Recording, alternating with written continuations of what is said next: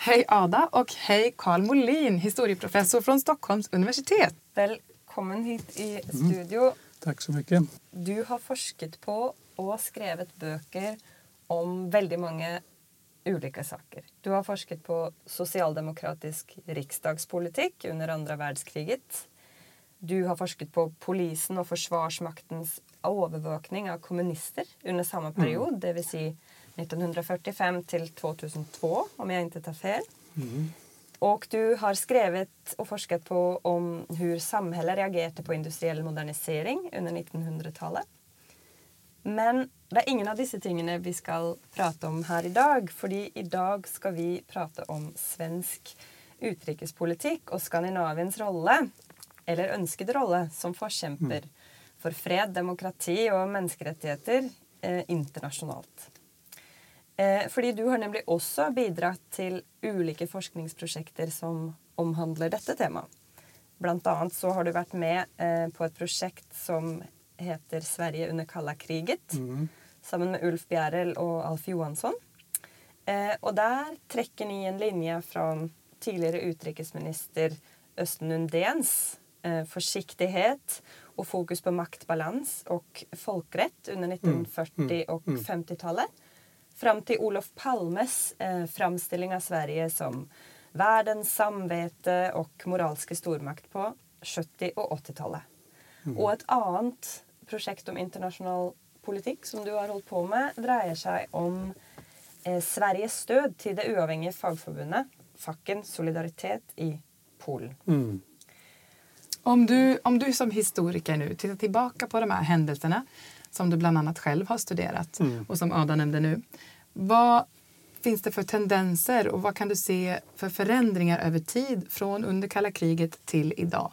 Vilken typ av roll spelar Sverige i världssamfundet? Ja, alltså det, om man går tillbaks till den svenska neutralitetspolitikens begynnelse som den utformades av Östen Undén i slutet av 1940-talet då är det en väldigt försiktig politik. Och Eh, den har väl på sätt och vis drag av isolationism. Men det centrala det är ju att man genom neutraliteten vill bevara Sveriges närområde som en sorts lugn oas. Där ska härska stabilitet och eh, samförstånd. Det ska inte vara en, en konflikthärd.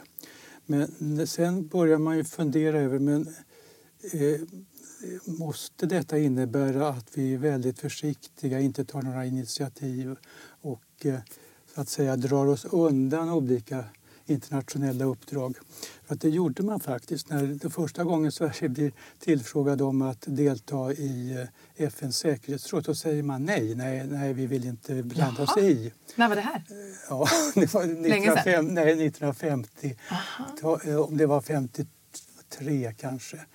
Men sen, och det är ju Dag Hammarskjöld som är generalsekreterare. Sen kommer det tillbaks eh, samma fråga igen 1957 och då säger man ja, okej okay, vi kan väl vara med då. att det, det, eh, grundinställningen är att stormaktspolitiken och de här eh, vittsyftande frågorna, de ska vi nog inte lägga oss i.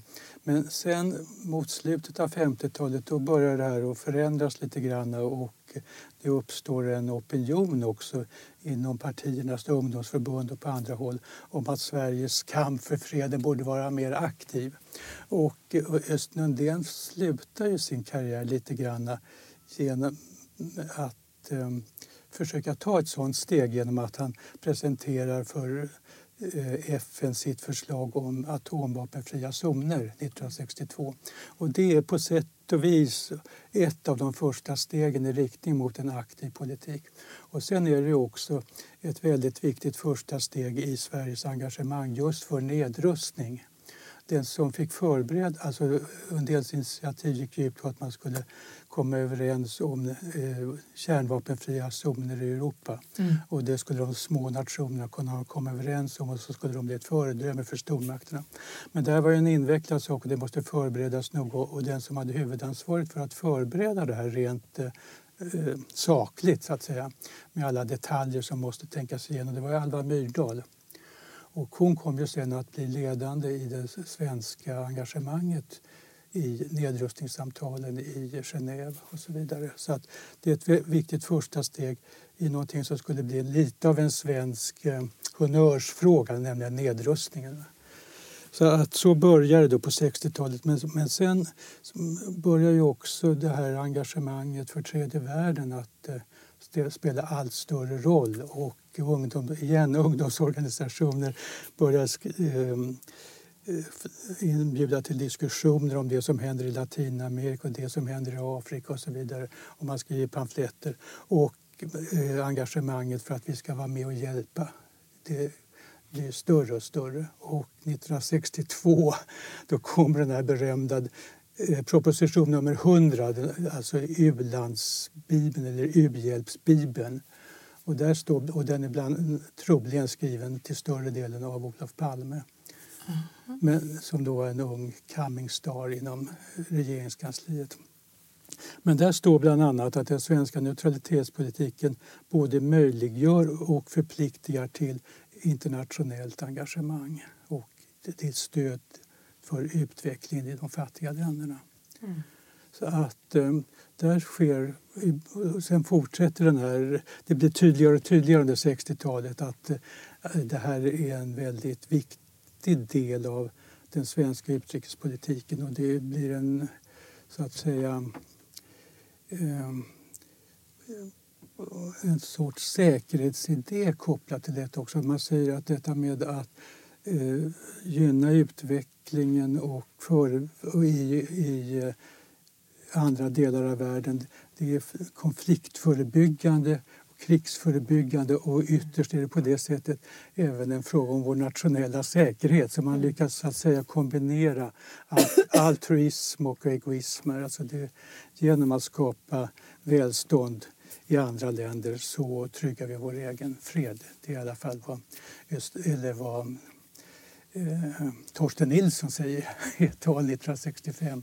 Att det finns en koppling där mellan eh, det här vad ska säga, ideella engagemanget och eh, det nationella säkerhetstänkandet. Mm. Sverige har ju en speciell historia både med mm, politiken under Östen Undén och, och um, den alliansfria politiken som du var inne på, um, både under andra världskriget och uh, före och efter.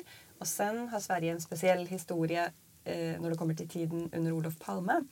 Men mm. samtidigt så är det ju många ting med svensk utrikespolitisk historia som minner om historien i Danmark och i Norge där man har eh, samma uppvakning så att säga på mm. 60 och 70-talet med ungdomsorganisationer ja, och andra ja, ja. fredsbevägelser som växer fram eh, och så vidare. Och det är ju också tendenser man ser eh, även i andra mm. Ehm, mm. europeiska mm. och, och, västliga land. Um, men så var du inne på motivationen bak uh, detta önska om att Sverige skulle spela en, uh, en roll för säkerhet globalt, att det handlar både om vår egen territoriella eh, säkerhet här hemma och mm. eh, eh en slags upplevning av att eh, det är vår plikt mm. att hjälpa andra. Mm.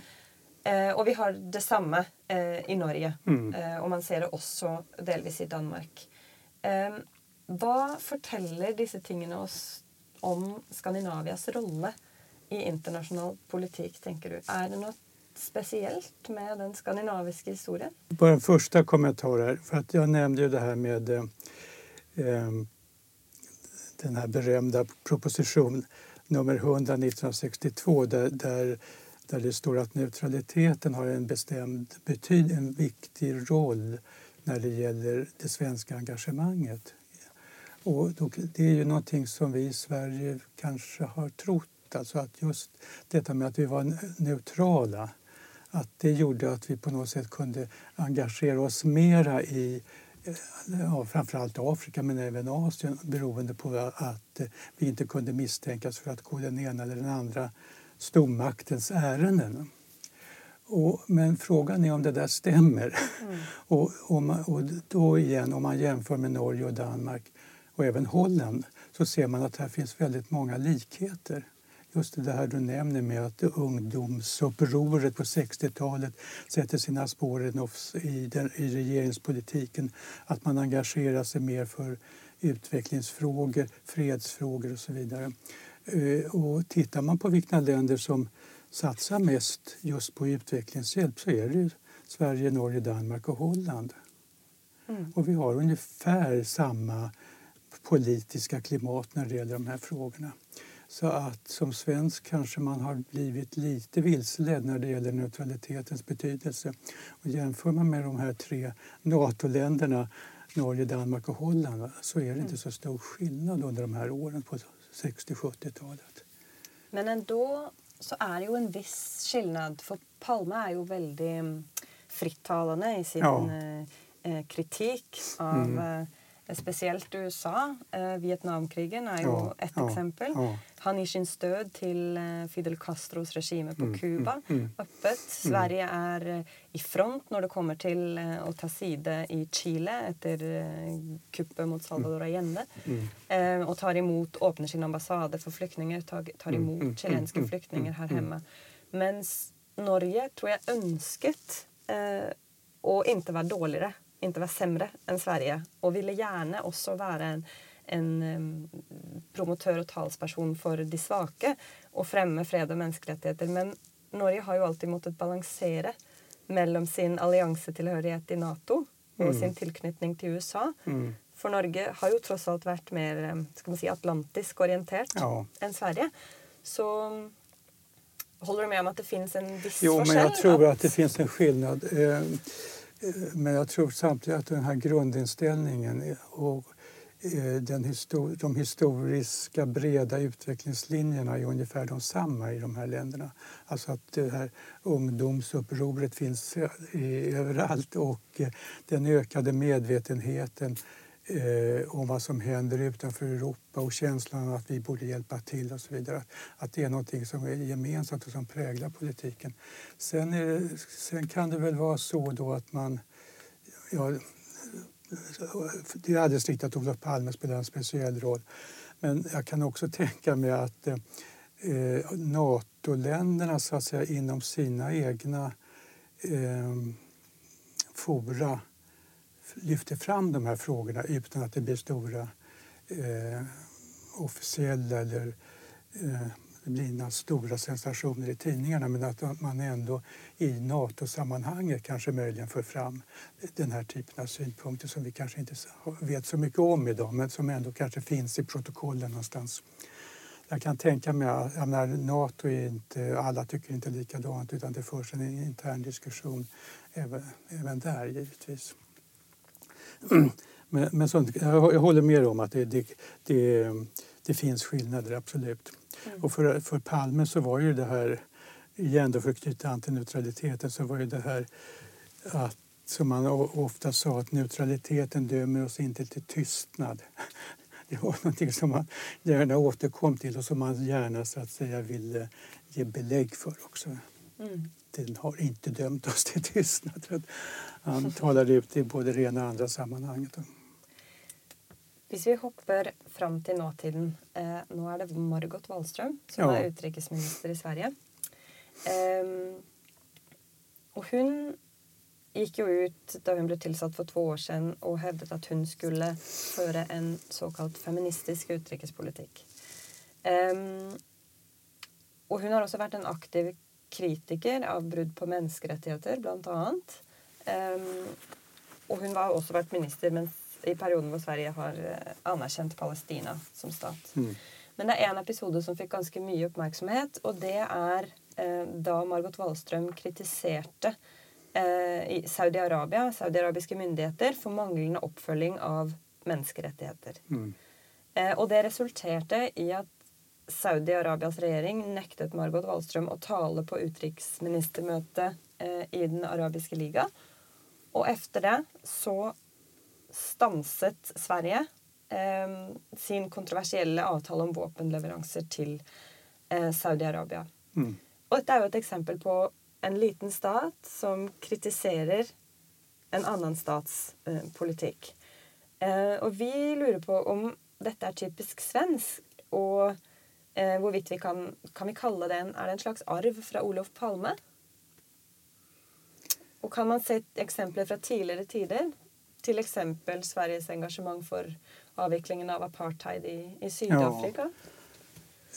Eh, det kan man absolut. Eh, bara en väldigt kort kommentar när det gäller det här med Sydafrika, eller förlåt, när det gäller eh, Saudiarabien. Det, är uppenbart att det hon sa fick stor uppmärksamhet och det uppfattades som väldigt skarp kritik. Men jag vill gärna påminna om att om man går in på svenska utrikesdepartementets hemsida så hittar man ju där eh, rapporter om situationen för mänskliga rättigheter i praktiskt taget alla länder i världen. Och där finns även en så att säga, officiell rapport tillgänglig för alla om situationen för mänskliga rättigheter i Saudiarabien. Och det, det som står där det är ju helt enkelt att detta är inte en demokratisk stat. Kvinnorna har inga rättigheter.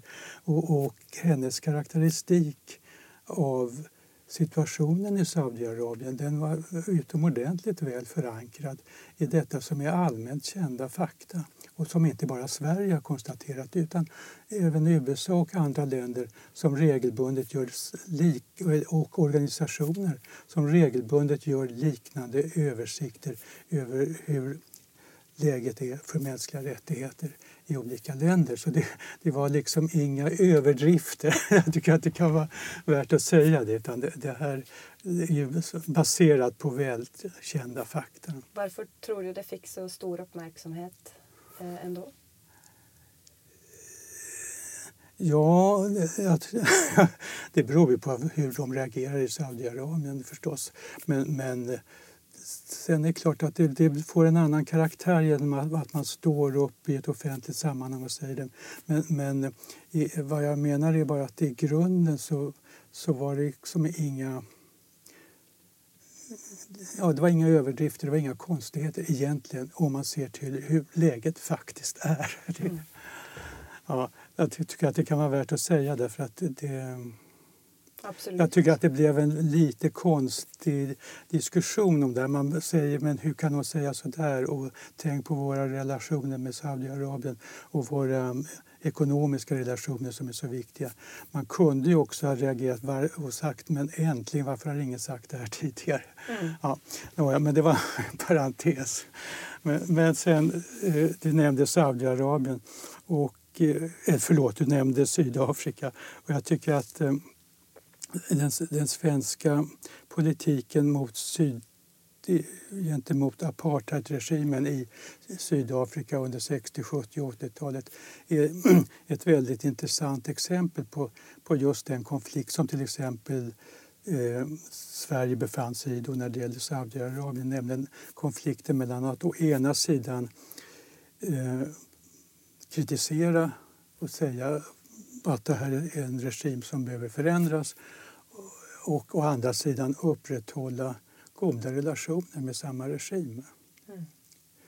Och när det gäller eh, Sydafrika så var det så att eh, eh Sverige redan på 60-talet kritiserade apartheidregimen och man beslutade i riksdagen om att eh, ge stöd till ANC och eh, eh man diskuterar också olika konsumentbojkotter och så vidare.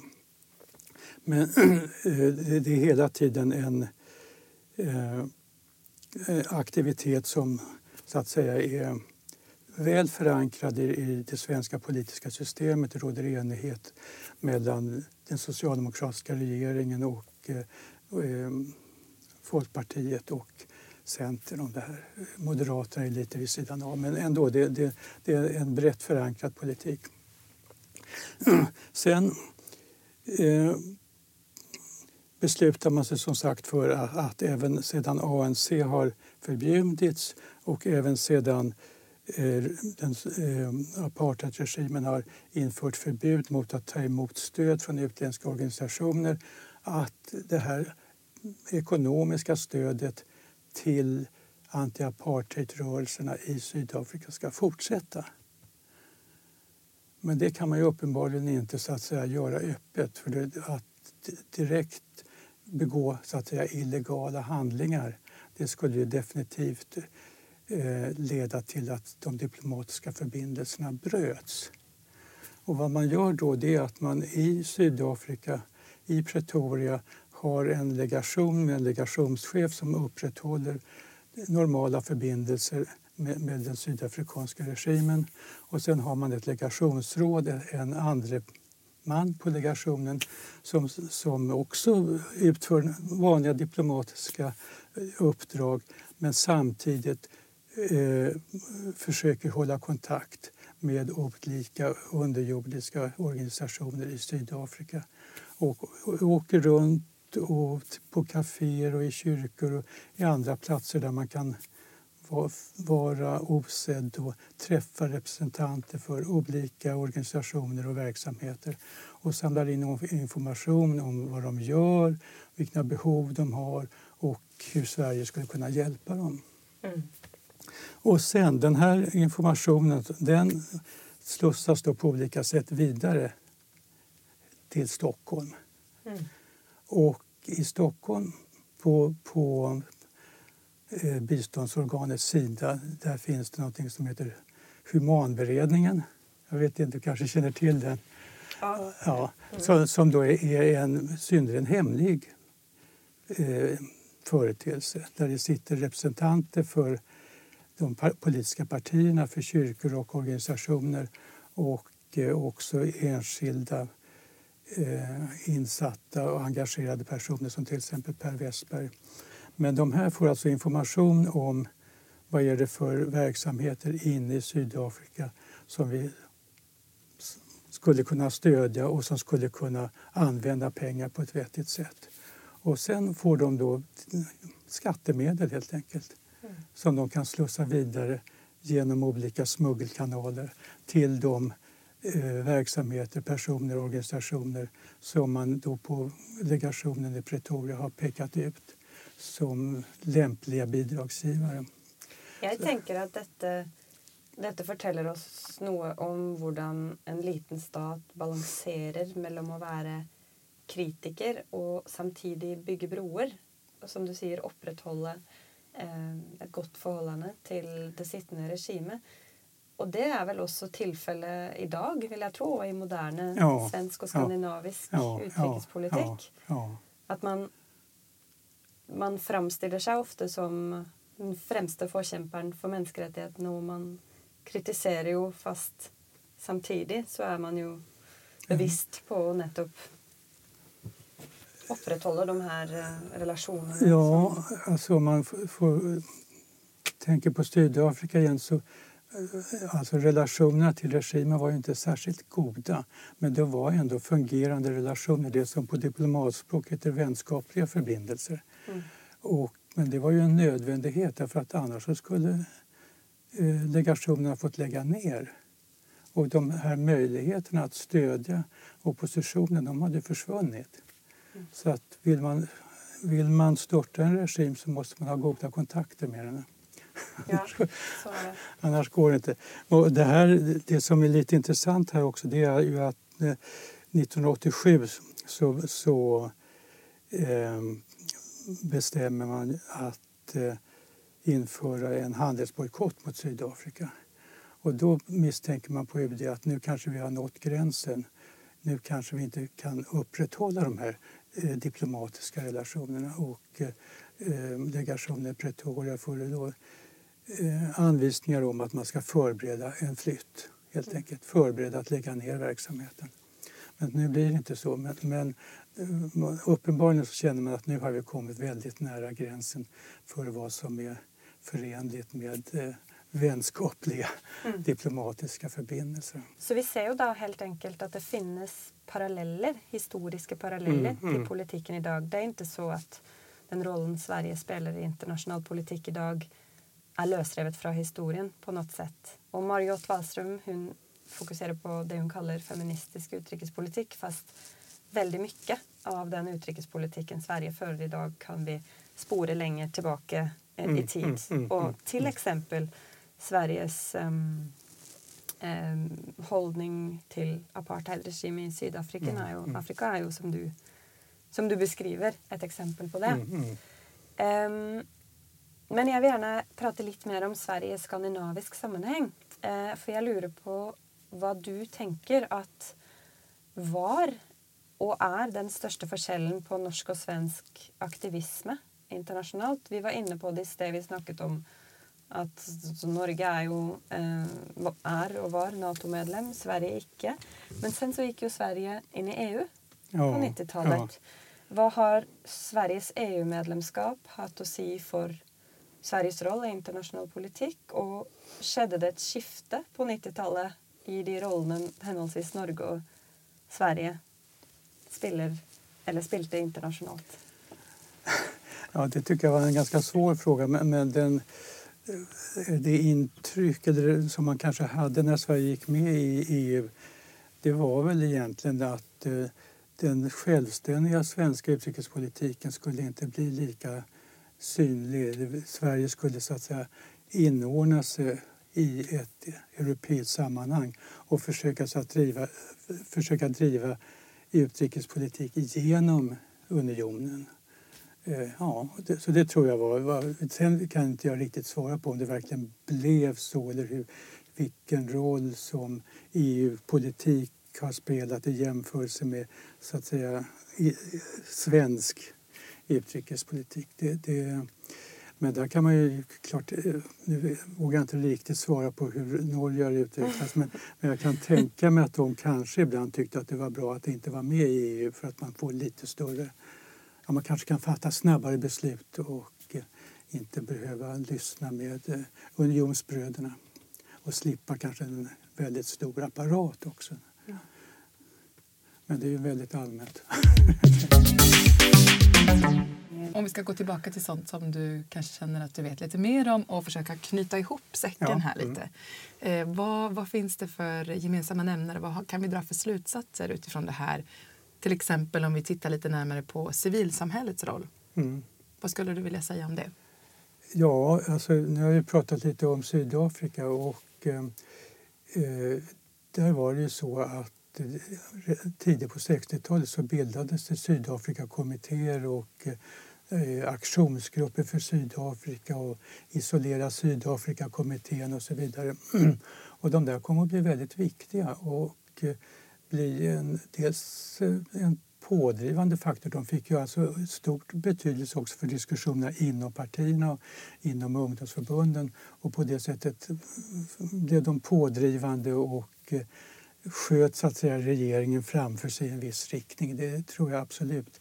Sen var de ju också en sorts informationskälla och de öppnade kanaler och de kunde bidra på alla möjliga olika sätt med nätverk och informationer och kunskaper.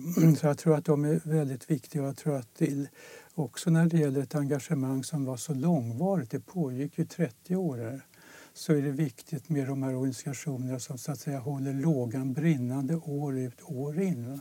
Eldsjälarna? Eh, ja, den, vanliga politiken är ju lite mandatperiodsinriktad så att säga och man kan glömma bort saker. Men de, de här organisationerna har hjälpt till att hålla de här frågorna levande år ut år in, det tror jag faktiskt. Ser du noen skillnad mellan det folkliga eller sivilsamfunnsengasjementet på 60- och 70-tallet och hur det är i dag? Fordi har intryck av att det är färre människor som engagerar sig i eh, fredsrörelser, i ungdomsorganisationer eh, på samma sätt som det var på 60- och 70-tallet. Vill du säga att engagemanget har blivit mindre? Alltså det är som vi säger en empirisk fråga. Alltså det, det här är faktiskt någonting som man kan, som man kan uttala sig om eller kan bestämma med hjälp av medlemsstatistik och sådana saker. Men mitt intryck är ju absolut i den riktning som du säger att det här starka engagemanget med folk som är ute och skramlar med bössor och säljer eh, stencilerade tidningar och allt detta, att det är mindre idag faktiskt. Mm. Men samtidigt för att flika in Men, här bara, ja. så ser vi också eh, kanske ökad engagemang kring frågor kring eh, organisationer som Refugees Welcome ja. i Sverige, i Stockholm inte minst, där, där, det kommer många frivilliga yngre som stått på T-centralen under 2015. Så det kanske är lite mindre medlemsbaserat utan mer, lite mer ad hoc typ av engagemang. Och det kan vara att uh, sociala medier spelar en stor roll här också för att snabbt kunna skapa engagemang och, och aktivitet kring en viss fråga. Mm. Mm. Så att det, det, är en förändrad bild. Det, det, det kanske inte bara är att engagemanget är mindre utan det, det finns kanske andra former som det tar sig också. Mm. Ja, jag, jag ja. tänker likevel att eh, kontinuiteten i engagemanget mm. är mindre idag mm. och det mm. måste ju påverka politiken på mm. ett eller annat sätt. För du sa ju i stad att nettopp kontinuiteten i ja, arbeid ja, var så viktig for å presse på politikerne och de beslutene som, som de fattet. Och i, idag har vi ju inte det samma, den samma kontinuiteten en, även om Refugees Welcome är stora i ja, både Stockholm och Oslo och, och andra byar. Men mm. folk har engagerat ett tag och sen mm -hmm. så dabbar det av. Mm.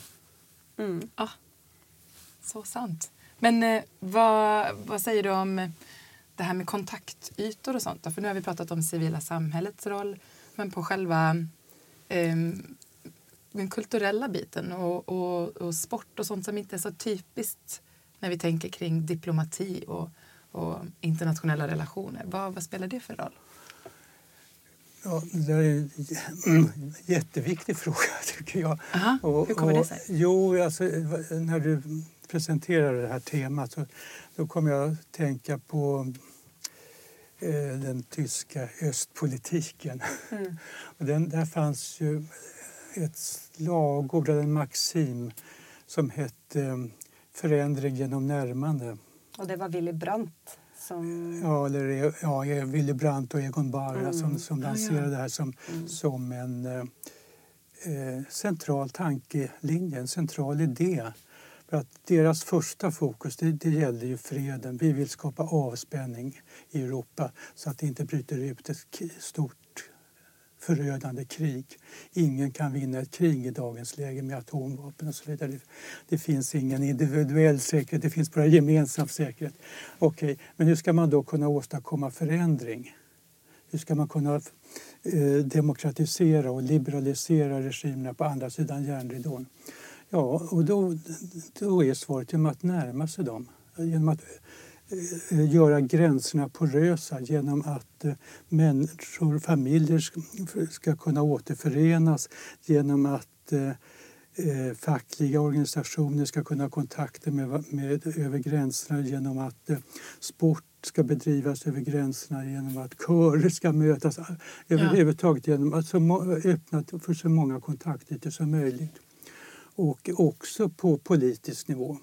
Så att eh, både liksom eliter och eh, gräsrotsorganisationer ska ha så mycket kontakt som möjligt. Och I detta så såg de då en, eh, en möjlighet till att eh, förändra de här samhällena på andra sidan. Och det utgår ifrån att de kommer att se att vi har lyckats bättre med det som ni vill åstadkomma, nämligen eh, ja, välstånd och jämlikhet och så vidare. Det som är era mål det är ju mycket bättre tillgodosett på vår sida. Så att om vi bara låter folk komma så kommer, så kommer detta att bidra till förändring. Det var en, en lite optimistisk och ganska långsiktig strategi. Men, men, eh, det var faktiskt på det sättet man försökte få de här två målen fred och förändring att förenas i kalla krigets mm. Europa. Lite som mjuk mjuk makt? ja, det är mjuk makt. Mm. Det eh, kan man absolut. Och på många måter så minner det ju om strategier både i svensk och norsk och dansk ja. och säkert finsk och isländsk utrikespolitik och många andra staters utrikespolitik också. Att man, mm. man jobbar både på toppnivå och på mm. lavere mm. nivå. Mm. Fordi denne utvekslingen och kontakten mm. är så viktig. Och, förlåt, handel är en jätteviktig faktor i sammanhanget också. Som öppnar upp. Så att det, och det är lite detta som, ja, åtminstone en av idéerna med Helsingforsavtalet 1975. Alltså där man eh, säger att de gränser som finns i Europa idag de är eh, okränkbara.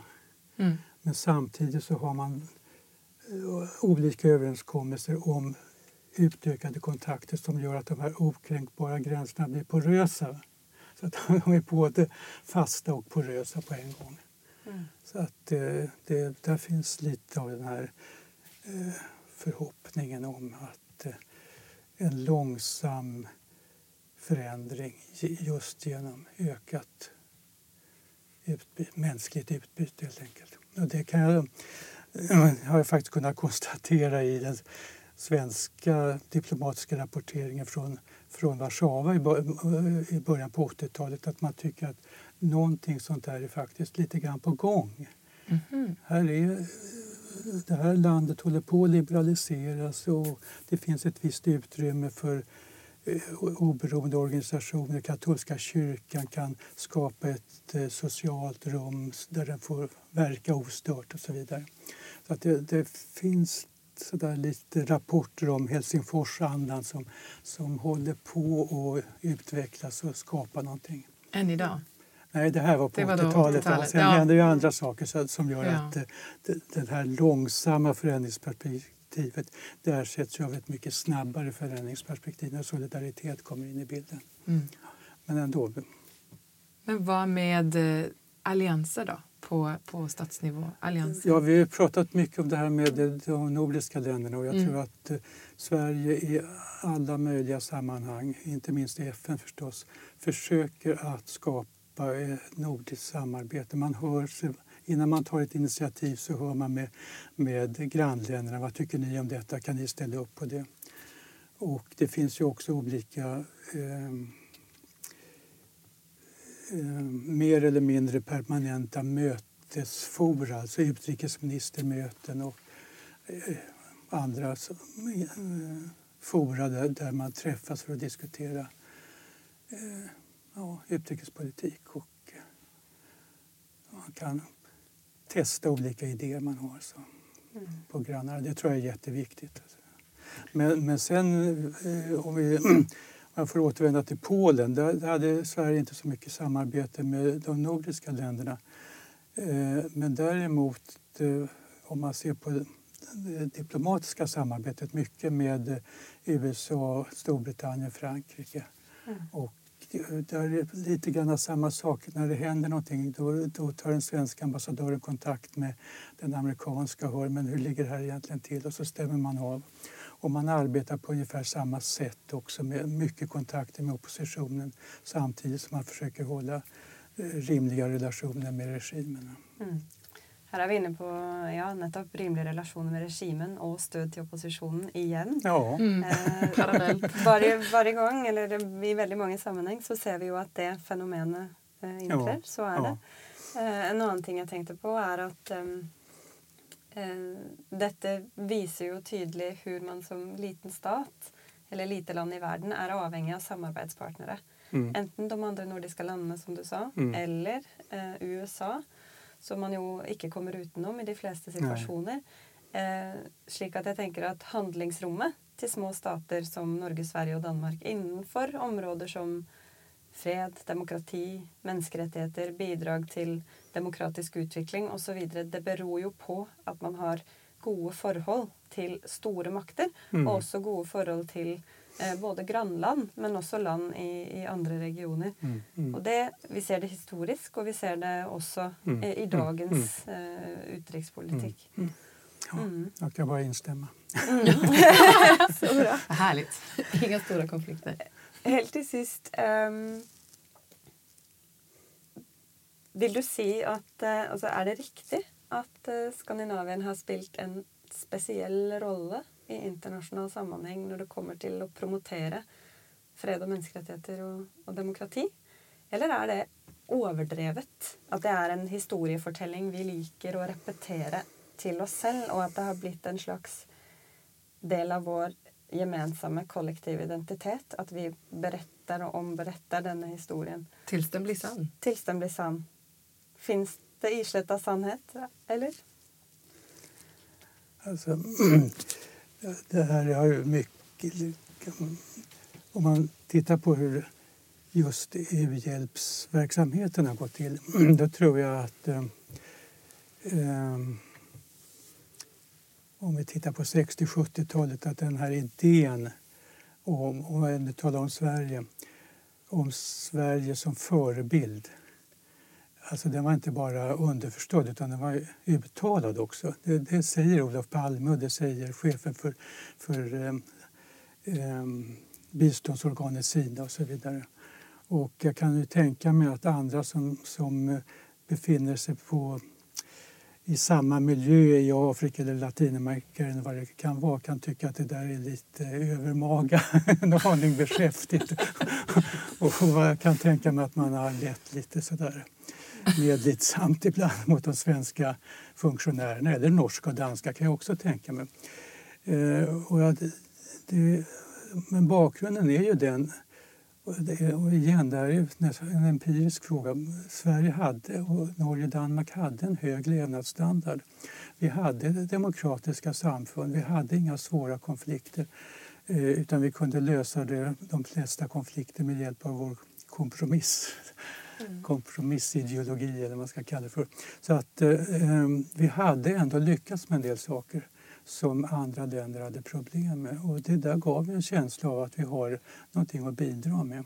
Mm. Sen kanske man inte riktigt alltid förde fram den här tanken så elegant utan lite, lite klumpigt så att det leder till eh, kanske till och med kontraproduktiva resultat. Att man slår ifrån sig och säger nej, kom inte ni igen. Mm.